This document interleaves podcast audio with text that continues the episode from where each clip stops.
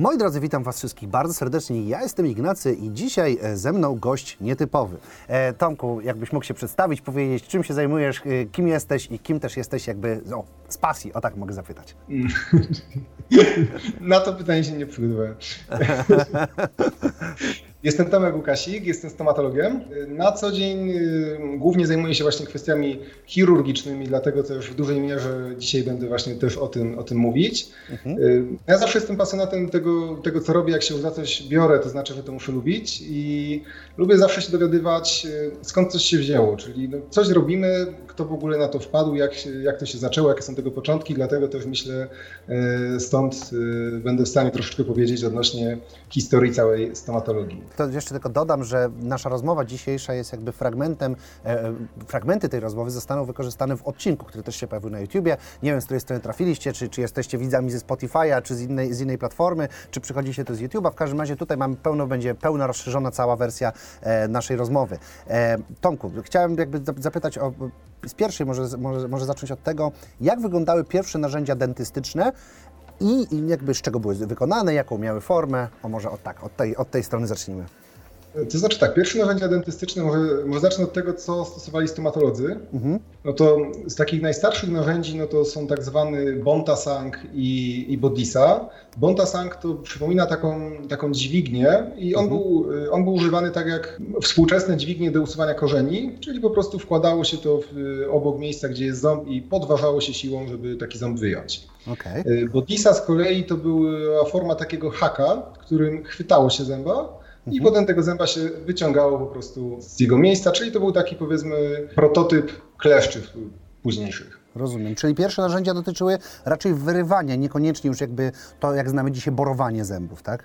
Właśnie nie do końca, bo też, y, też były pierwsze wiertła o dziwo i to mhm. pierwsze wiertła były już dobre kilka tysięcy lat przed naszą erą. Okay.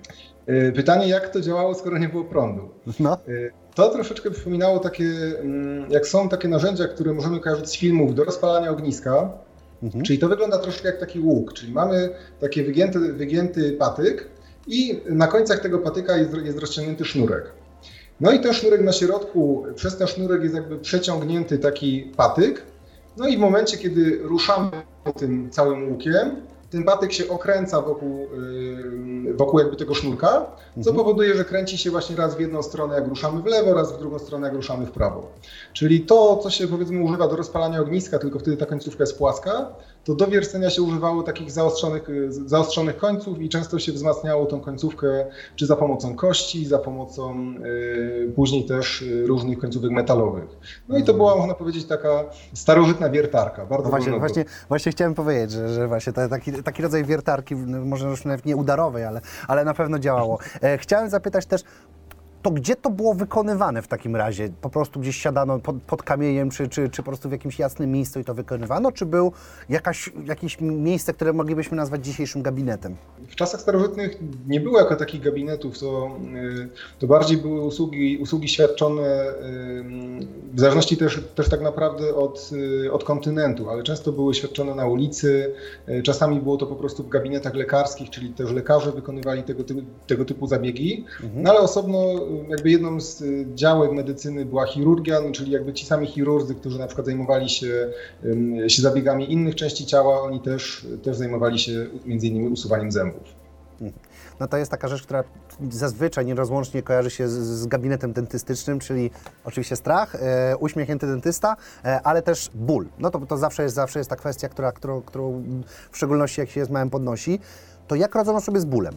No z bólem na początku było bardzo ciężko. Rzymski lekarz o nazwisku, nazwisku Celsus, on w, swój, w, jednym z, w jednym z swoich podręczników opisał właśnie, że ból zęba y, poza bólem śmierci jest najokrutniejszym, największym bólem, jaki istnieje.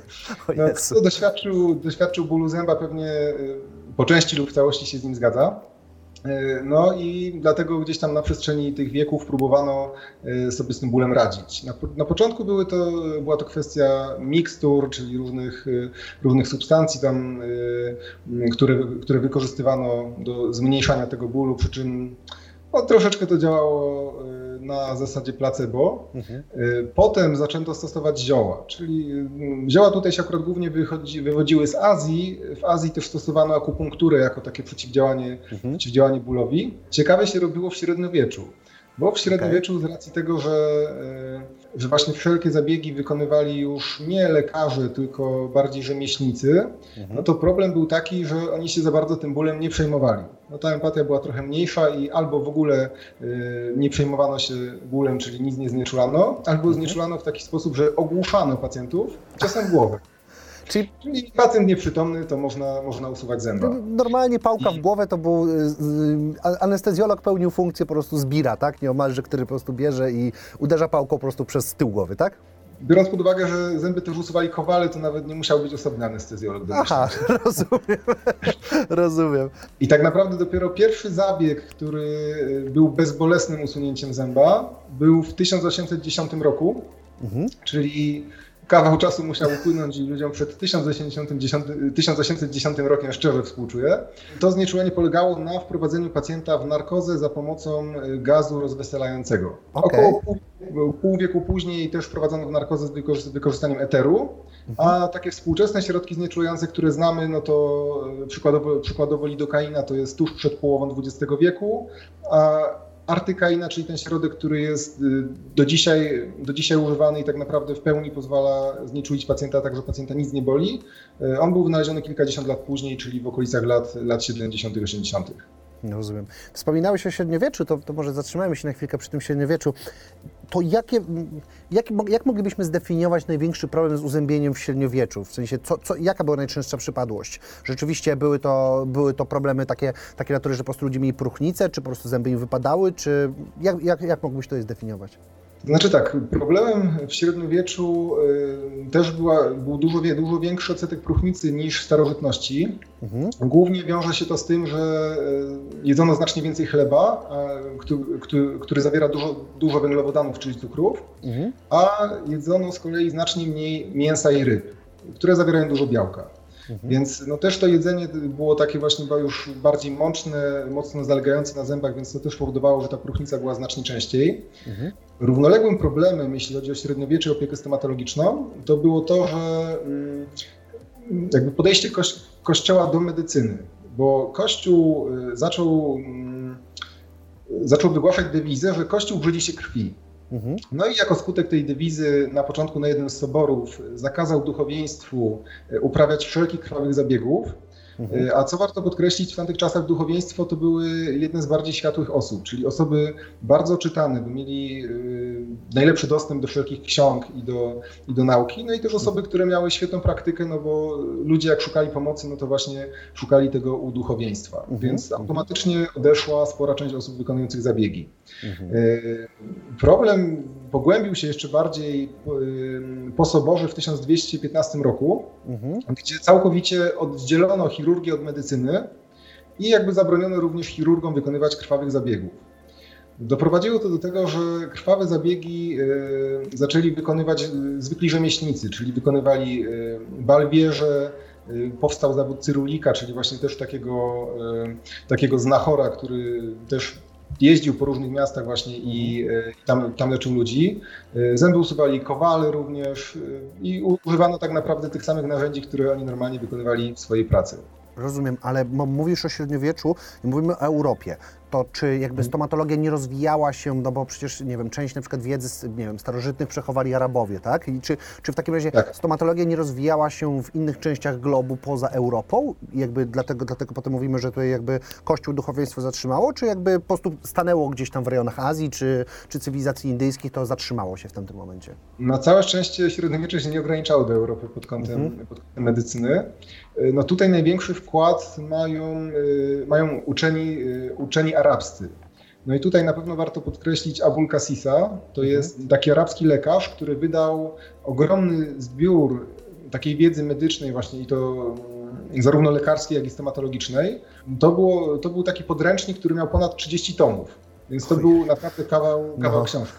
Aha. No i tam było no, ponad 200 ilustracji różnych narzędzi chirurgicznych, y, opisy wykonywania różnych zabiegów, między innymi y, drenowania ropni, różnego rodzaju właśnie też zabiegów z dużej chirurgii, ale tak samo też jakich, jakich preparatów, jakich, jakich środków stosować pod kątem takiego dbania na co dzień. I to zarówno dla pacjentów, i tak samo też, też dla lekarzy. I to było o tyle duże i znaczące dzieło, że potem przez kilkaset lat uczono tego na uczelniach właśnie w tym, w tym również europejskich. No mhm. i w, w, Europie był to oczywiście przykład łaciński tego, y, y, tego utworu. Rozumiem. I to później przyniosło się już, rozumiem, na języki narodowe, tak jakby stało się to jakimś tam rodzajem wykładni, tak, dla, dla, dla nowoczesnej już nauki. Rozumiem. A no dobra, to byliśmy, byliśmy przy średniowieczu, byliśmy przy starożytności. E, profilaktyka. Profilaktyka u ludzi, no bo to gdzieś ta wiedza na pewno przechodziła pomiędzy, czy to, czy to w jakimś tam niższych stanach, w jaki spo, albo i wyższych. W jaki sposób w ogóle czyszczono, dbano o zęby? I to jeszcze moje konkretnie pytanie dotyczy, czy mm, koncept pasty do zębów. To jest jeszcze coś, co mnie zastanawiało przez jakiś czas. Dobrze, to może, może po kolei. Mhm. E, zacznę, zacznę najpierw, najpierw od kwestii szczoteczek, czyli właśnie jak, jak, jak dbano. I no tutaj szczoteczki bardzo się różniły w zależności od, y, od rejonu globu, gdzie, y, gdzie się właśnie dana kultura rozwijała. Mhm. No i tak na przykład y, w Azji bardzo często korzystano z, ze szczoteczek, szczoteczek z bambusa. Mhm. Z kolei bardzo powszechne też były szczoteczki z drzewa arakowego. I to drzewo nie bez powodu jest nazywane też drzewem szczoteczkowym. To jest mhm. też taka ciekawostka, bo to jest drzewo, które, którego korzenie i gałęzie wykorzystywano właśnie jako, jako szczoteczki. I nawet do dzisiaj WHO też, też jakby kwalifikuje to drzewo jako coś, co jest bardzo korzystne, jeśli chodzi właśnie o higienę, higienę jamy ustnej. Więc coś, co używano już kilka tysięcy lat temu, dalej, dalej przetrwało. No mhm. i na przykład to jest ciekawe, że w starożytności udało się też dojść y, do, właściwo- do tego, że to drzewo ma takie, a nie inne właściwości. Od strony szczoteczek, no to, y, to w okolicach XVIII wieku y, zaczęto tak bardziej przemysłowo produkować, produkować szczoteczki, przy czym problem mhm. był taki, że one wtedy jeszcze były, zawierały zwierzęce włosie. Mhm. Problem tego był, tego był taki, że ono bardzo długo schło, to jest pierwsza sprawa. Y, druga sprawa, że ono, y, na nim się bardzo mocno rozwijały bakterie. I dopiero w bodajże 1938 roku y, zaczęto produkować pierwsze szczoteczki nylonowe. No i właśnie te szczoteczki, szczoteczki nylonowe to jest jakby taka, taka forma i materiał szczoteczek, który znamy, znamy do dzisiaj tak naprawdę. Od strony samych past, no to na samym początku pasty miały postać proszków. Po prostu. I, I, to nie byle jakich proszków, y, bo stosowano spopielone y, głowy zajęcy, wilków, myszy. I to, żeby, żeby daleko szukać, no to y, takie, takie, stosowanie takich mieszanek zalecał sam Hipokrates. Czyli było, nie było ojciec medycyny. No. One faktycznie miały działanie, przy czym tutaj patrząc z perspektywy czasu, z perspektywy badań, to się bardziej przypisuje działanie po pierwsze ścierne, a po drugie yy, właściwie nawet nie samo to, czego to było spopielenie, ale no, kwestia jakby samych właściwości popiołu, który, który też właśnie działał w taki sposób yy, korzystny dla, dla zdrowia jamy ustnej. Mhm. Później, jeśli chodzi o pasty, to pierwszym takim dodatkiem, który dość mocno zmienił, to było dodanie mydła do past. Mhm. Z dzisiejszej perspektywy no, nie wyobrażam sobie tego smaku, e, e, ale no to, to powodowało, że ta pasta była taka bardziej, bardziej pulchna, pieniąca się, czyli gdzieś tam właśnie też, też troszeczkę już inna w odbiorze. Mhm. A w, tysiąc, w latach 70. XIX wieku William Colgate wprowadził właśnie taką pierwszą pastę już w takiej troszkę formie, którą znamy bardziej współcześnie. Wprawdzie ona wtedy jeszcze była w słoikach, Mhm. E, ale e, ona już miała taką konsystencję zbliżoną do obecnej pasty. Mhm. E, około 20 lat później wprowadzono tubki, czyli właściwie to, co zostało już do dzisiaj, czego, mhm. czego powiedzmy nie poprawiono jeszcze do tego czasu. Mhm. I z czasem dodawano coraz to, to kolejne składniki. Bo już w latach 80. XIX wieku zaczęto dodawać do past fluor. Z początku różne organizacje, m.in. Amerykańskie Stowarzyszenie, Stowarzyszenie Stomatologiczne, Towarzystwo Stomatologiczne mhm. zaczęło bardzo być przeciwko fluorowi, dlatego że no, fluor nie był znany, powiedzmy, z, że tak powiem, z dobrej strony, tylko raczej był znany jako trucizna, mhm. ale stosowanie go w odpowiednich dawkach, jak wyszło w badaniach, które prowadzono potem w kolejnych latach, bo zajęło około 30-40 lat, zanim fluor się szerzej upowszechnił. Mhm. No i nie tylko nie, nie wykazano, że fluor jest w jakikolwiek sposób szkodliwy, ale dodatkowo udowodniono, że on bardzo korzystnie działa na, na zdrowie zębów, wbudowując się w powierzchnię szkliwa i wzmacniając je nawet kilkukrotnie. Jeśli chodzi o takie współczesne pasty, czyli pasty, które już są bardziej ukierunkowane, czyli takie bardziej specjalistyczne, e, to one zaczęły powstawać w drugiej połowie XX wieku, czyli na przykład pasty na parodontozę, mhm. E, pasty e, pod kątem, pod, pod, pod kątem nadwrażliwości, czy na przykład też, też pasty wybielające, czyli to, co gdzieś tam znamy już bardziej, bardziej współcześnie. Substancji, które są, są w obecnych pastach, no to są m.in. Pasty, są substancje, substancje nadające smak, nadające słodkość paście, yy, powodujące, że się pieni, że jest śliska, że jest wilgotna, yy, że ma odpowiedni kolor. Więc jakby każda z tych substancji, które są, odpowiadają właściwie za, za konkretną, konkretną właściwość danej pasty.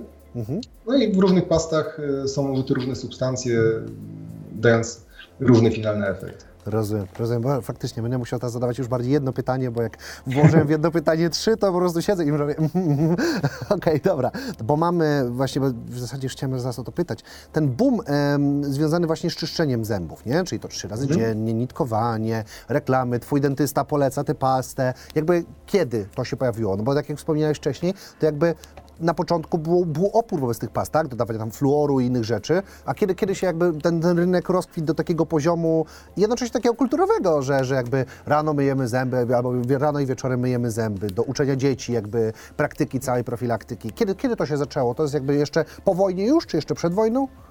Tak naprawdę jest to proces, który szedł bardzo stopniowo, bo mm, ludzie się uświadamiali wraz, y, wraz powiedzmy z rozwojem wiedzy medycznej.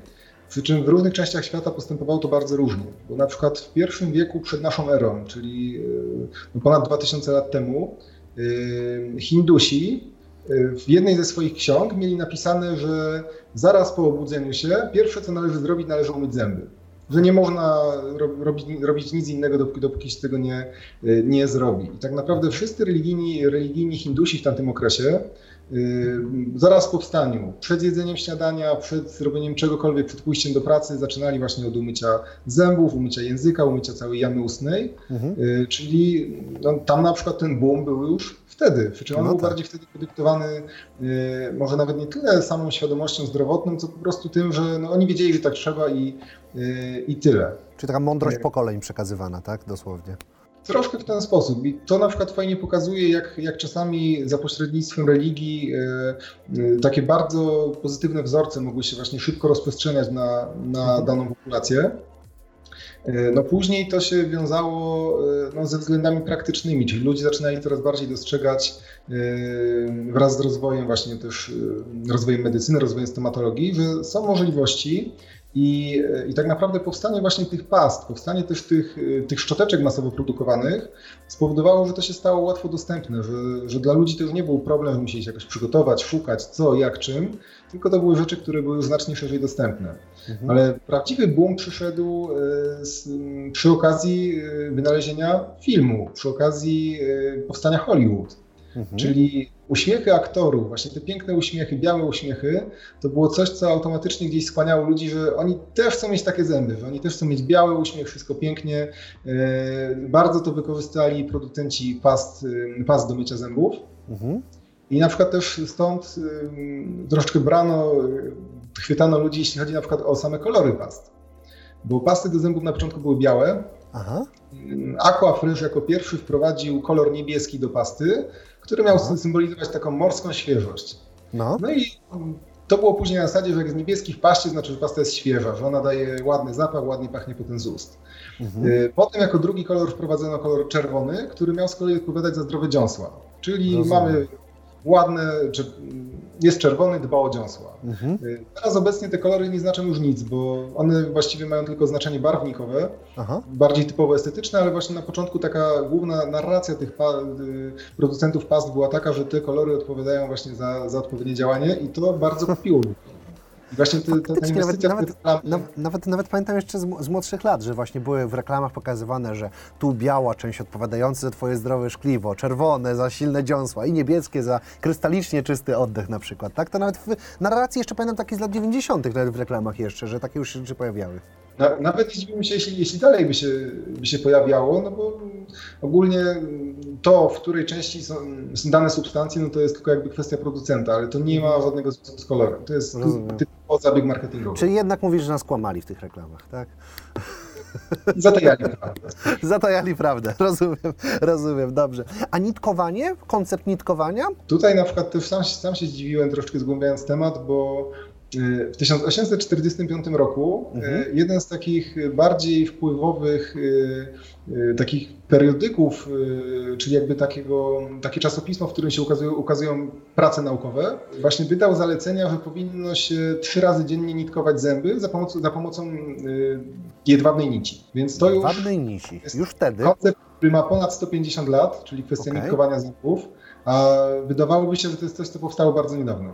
No tak, ale skoro poważny periodyk naukowy publikuje coś w 850 roku, to znaczy, że w jakiś tam sposób musiały być już na ten temat rozmowy albo prowadzone badania czy próby jeszcze wcześniej. Czyli można pewnie z jakimś tam niemałym prawdopodobieństwem założyć, że ten koncept może nawet już istnieć jeszcze wcześniej niż ten 850, tak? Zgadza się, przy czym tutaj jest dużo trudniej, trudniej to jakby zaobserwować niż w, w przypadku samych szczoteczek, Mhm. Bo tak jak szczoteczki znajdujemy właśnie, czy, czy różne zachowane kości właśnie z pozostałością y, włosia, no to w mhm. przypadku nici to, to jest coś, co jest dużo bardziej, y, bardziej ulotne, trudniejsze do zaobserwowania, zauważenia. Mhm. I tak jak gdzieś tam takie nitkowanie y, na pewno było wcześniej i też było przez wielu, wielu wcześniejszych lekarzy wręcz zalecane, no to nie było to coś takiego powszechnego. Rozumiem, rozumiem. Dobra, pójdę teraz troszkę jeszcze w inną stronę.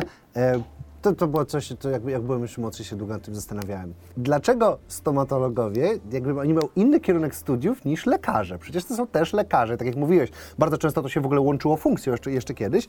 Kiedy nastąpił ten, nazwijmy to, e, schizma, tak? Taka między, między stomatologią a medycyną, na tym poziomie studyjnym już tylko. To znaczy, ciężko powiedzieć, kiedy nastąpił podział, bo to mm, na przestrzeni dziejów trosze, troszeczkę się właśnie rozbiegało, bo funkcje stomatologów pełnili chirurdzy. Mhm. Na przykład chirurdzy też byli, byli okresowo odłączani od medycyny i trochę funkcjonowali jako, y, jako chirurdzy, a nie jako lekarze. Rozumiem. Też na przykład y, lekarze kiedyś byli, mm, dużo mniej było lekarzy, bo dla przykładu y, w poszczególnych latach w XVIII wieku na cały Paryż przypadało sześciu lekarzy.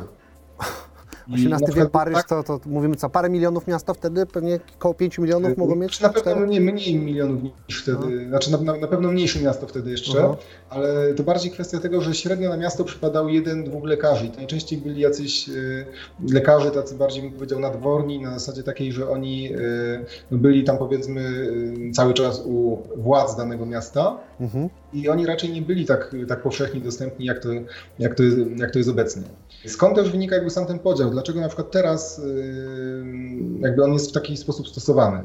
Mhm. To ogólnie wygląda w ten sposób, że pierwsze dwa lata studiów są tak naprawdę praktycznie te same zajęcia dla stomatologów i dla lekarzy. Mhm. Stomatolodzy oprócz tych takich zajęć właśnie też ogólnomedycznych mają też zajęcia typowo stomatologiczne, których z kolei nie mają lekarze.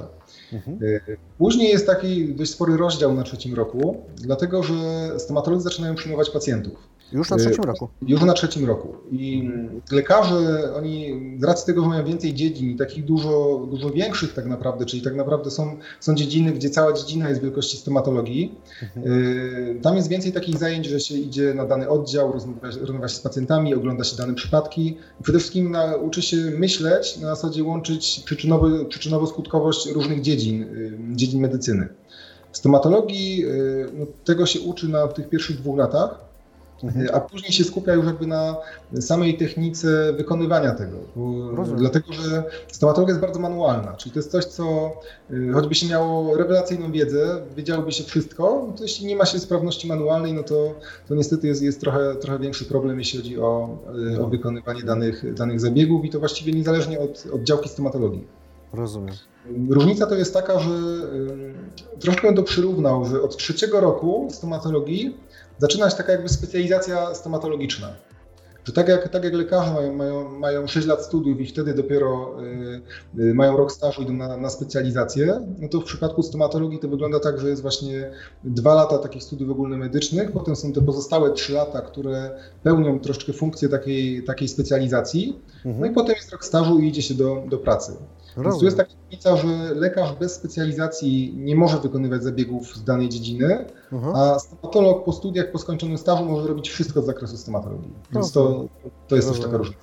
Rozumiem.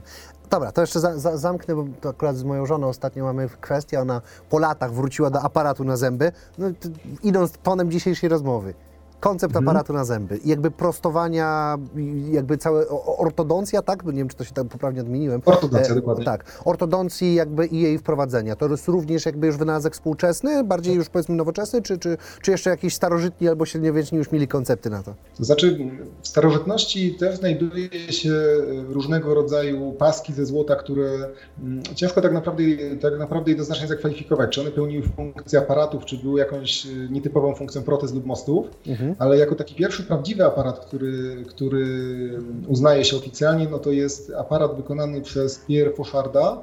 To był taki, to był francuski lekarz, zresztą uznawany za, za takiego ojca stomatologii tak naprawdę. Mhm. I on w 1723 roku właśnie założył ten, ten pierwszy aparat. Potem był no, dość długi przestój, czyli były jakieś drobne zmiany, jeśli chodzi właśnie o leczenie ortodontyczne, mhm. ale tutaj znowu do takiego boomu przyczynił się głównie Hollywood, czyli w okolicach połowy XX wieku. Y, znowu mamy filmy, mamy gwiazdy z pięknymi zębami i wszyscy chcą mieć takie zęby, wszyscy chcą mieć proste zęby, ładne zęby, dlatego sobie zaczęto też to prostować, no i te aparaty zaczęły, no, jest popyt, jest podaż. No, to, no tak, tak, tak, czyli tak się to, to pojawiło. Zaczęło się to rozwijać. Rozumiem, rozumiem. Znaczy inaczej, z mojej listy pytań jest już przy końcu, chyba, że masz jeszcze jakieś, nie wiem, może, może, może pewne ciekawostki czy historie jakby z całej, całej historii już jakby stomatologii, które nie są może powszechnie znane, a nie podejmowaliśmy ich dzisiaj jeszcze w rozmowie. To na przykład no, też, też z ciekawych historii, no to to jest y, jak wyglądało usuwanie zębów y, za czasów średniowiecza. Mhm. No bo z racji tego, że to gdzieś tam wykonywali różnego rodzaju, rodzaju rzemieślnicy i to bardzo często też były takie, takie osoby, które jeździły po różnych miastach i w danym mieście były kilka dni i jechały dalej. Mhm. No i oni zazwyczaj jeździli całą taką ekipą, która, która się tym, jakby tym zajmowała. Aha. I wyglądało to w ten sposób, że gromadzili się zwykle na jakichś placach, na rynkach, na targowiskach. Mhm. Y, I żeby zachęcić ludzi do wyrywania zębów, które z racji, jak wspominam, no nie było wtedy zbyt skutecznych środków znieczulających, a właściwie mhm. nie stosowano ich, y, no to nikt za bardzo nie był chętny, żeby, żeby, żeby te zęby mhm. usuwać. Mhm. Więc y, oni mieli takich statystów, którzy podchodzili, no i oni się nad nimi nachylali, coś udawali, że coś robią i nagle wyjmowali zakrwawionego trzonowca na przykład i pokazywali, Aha. że jest usunięty. A ta osoba, ten statysta, w ogóle bez bólu, że cudownie, wspaniale. No i nagle ludzie zaczęli się ustawiać w kolejce. Okay. No bo jak, jaki gość, jaki specjalista usuwa w ogóle bez bólu. No i zaczęły się robić kolejki i oni specjalnie robili tak, że to było w, albo w jakichś namiotach, albo w jakichś domkach. Mhm. I też w tej, w, tej, w tej ekipie były osoby, które właśnie też y, albo krzyczały, albo grały na bębnach, na trąbkach. I to grali specjalnie jak najgłośniej po to, żeby nie było słychać krzyków, żeby osoby z kolejki nie uciekały kolejne. Okej. Okay. Ale to już jak przemyślana cała machina po prostu, tak, rozbudowana. cała taka machina. Mhm. I e, no też, mm, też był duży problem, jeśli chodzi właśnie o kwestię powikłań, bo no niestety bardzo często po usunięciach zębów zdawa, zdawały się bardzo poważne choroby lub nawet zgony, mhm. a to było głównie związane z sepsą. Tylko, że teraz tak, no jeśli komuś, komuś się coś stało, no i chcieliby, no, że tak powiem, yy, pociągnąć do, do odpowiedzialności taką osobę, no to niestety nie było to możliwe, bo ta osoba już dawno była w kolejnym mieście. No tak, tak, tak. Znowu to Czyli samo. można powiedzieć, że to takie pierwsze organizacje jakby połączone, które działały, z tego się wywodzi stomatologia. No oczywiście żartobliwie już tylko mówię, ale, ale, ale, ale że, rzeczywiście miało to nawet znamiona zorganizowanej działalności mającej troszkę delikatnym celu e, no, nagięcia rzeczywistości, tak? Bo, bo poprawnie to nazywam? Rozumiem. Dobra, Tomku, tak. słuchaj, no, z mojej strony chyba wszystko. Ja bardzo Ci dziękuję serdecznie. Jeszcze y, y przed rozmową e, wspominałeś, e, wspominałeś jeszcze, że niedawno książkę wydawałeś swoją. Może, może kilka słów o tym? Oczywiście. Y, ostatnio, właściwie trzy miesiące temu wydałem książkę, mhm. bo podczas wielu konsultacji, rozmów z pacjentami, no też, też obserwuję, że problemy i tak naprawdę przyczyny tych problemów, które mają pacjenci, no są w kółko takie same. Dlatego no, postanowiłem, no, z racji tego, że i tak na wizytach w gabinecie w kółko, w kółko o tym mówię, tłumaczę, postanowiłem właśnie wydać książkę, gdzie wszystkie takie rzeczy są wytłumaczone. Czyli wszystkie rzeczy związane z tym właśnie jak dbać o zęby, jak z profilaktyką, opis właśnie wszystkich, wszystkich rzeczy, które mogą wpływać negatywnie na zdrowie zębów. Mhm. Tak samo jak dbać o zęby dziecka, jak dbać o zęby w czasie ciąży, no i opis wszystkich okay. rzeczy, na które można natrafić w gabinecie stomatologicznym. Czyli krótko mówiąc jest to taki kompleksowy poradnik, co robić, żeby mieć zdrowe zęby przez całe życie. Mhm. A jeśli już mamy jakieś problemy, no to e, co można z tym zrobić, czyli jaki, jakie są różne rozwiązania, które obecnie można, można zastosować. Czyli jest napisane takim prostym językiem właśnie dla pacjentów, czyli e, wszystkie takie rzeczy skomplikowane są wyjaśnione tak, żeby każdy mógł zrozumieć. Mhm. No i jakby idea tego jest taka, żeby właśnie szerzyć tę profilaktykę, żeby, żeby no jednak jak najwięcej osób miało zdrowe zęby, bo choćby ktoś chodził co 4 miesiące do stomatologa na przegląd, leczył w kółko zęby, jeśli nie, nie zadba się o tą przyczynę, czyli o tą, o tą higienę w domu, no to prędzej czy później ta próchnica i tak się będzie, będzie, e, będzie pojawiać i tak, a no, raczej zamysł jest taki, żeby raz wyleczyć zęby, czyli mhm. ze stanem, z jakim przyjdzie pacjent, wyleczyć go i pomóc mu utrzymać ten stan już do końca życia. Rozumiem. I książkę możemy znaleźć gdzie? Książkę można znaleźć na, na mojej stronie internetowej, czyli www.tomaszlukasik.pl no i tam jest zakładka książka o tytule Uśmiechnij się. No i ten link też również, moi drodzy, znajdziecie w opisie, czy, podcast, czy podcastem, czy pod odcinkiem. E, zachęcam, żebyście zobaczyli książkę Tomka. Może kupili, jeżeli albo kupili komuś znajomemu, bliskim, e, więc zapraszam Was gorąco. E, ja Ci, Tomku, bardzo serdecznie dziękuję za Twój poświęcony czas, wiedzę. E, no i co, i mam nadzieję, że być może do, do, do zobaczenia, do usłyszenia w innych okolicznościach. Też Ci bardzo dziękuję. A czy mógłbym Cię jeszcze prosić o pozdrowienia dla Kuby i Filipa? Oczywiście, bardzo serdecznie pozdrawiam e, Kubę i Filipa. Dziękuję bardzo. bardzo proszę. Do miłego weekendu. Dziękuję serdecznie. Cześć.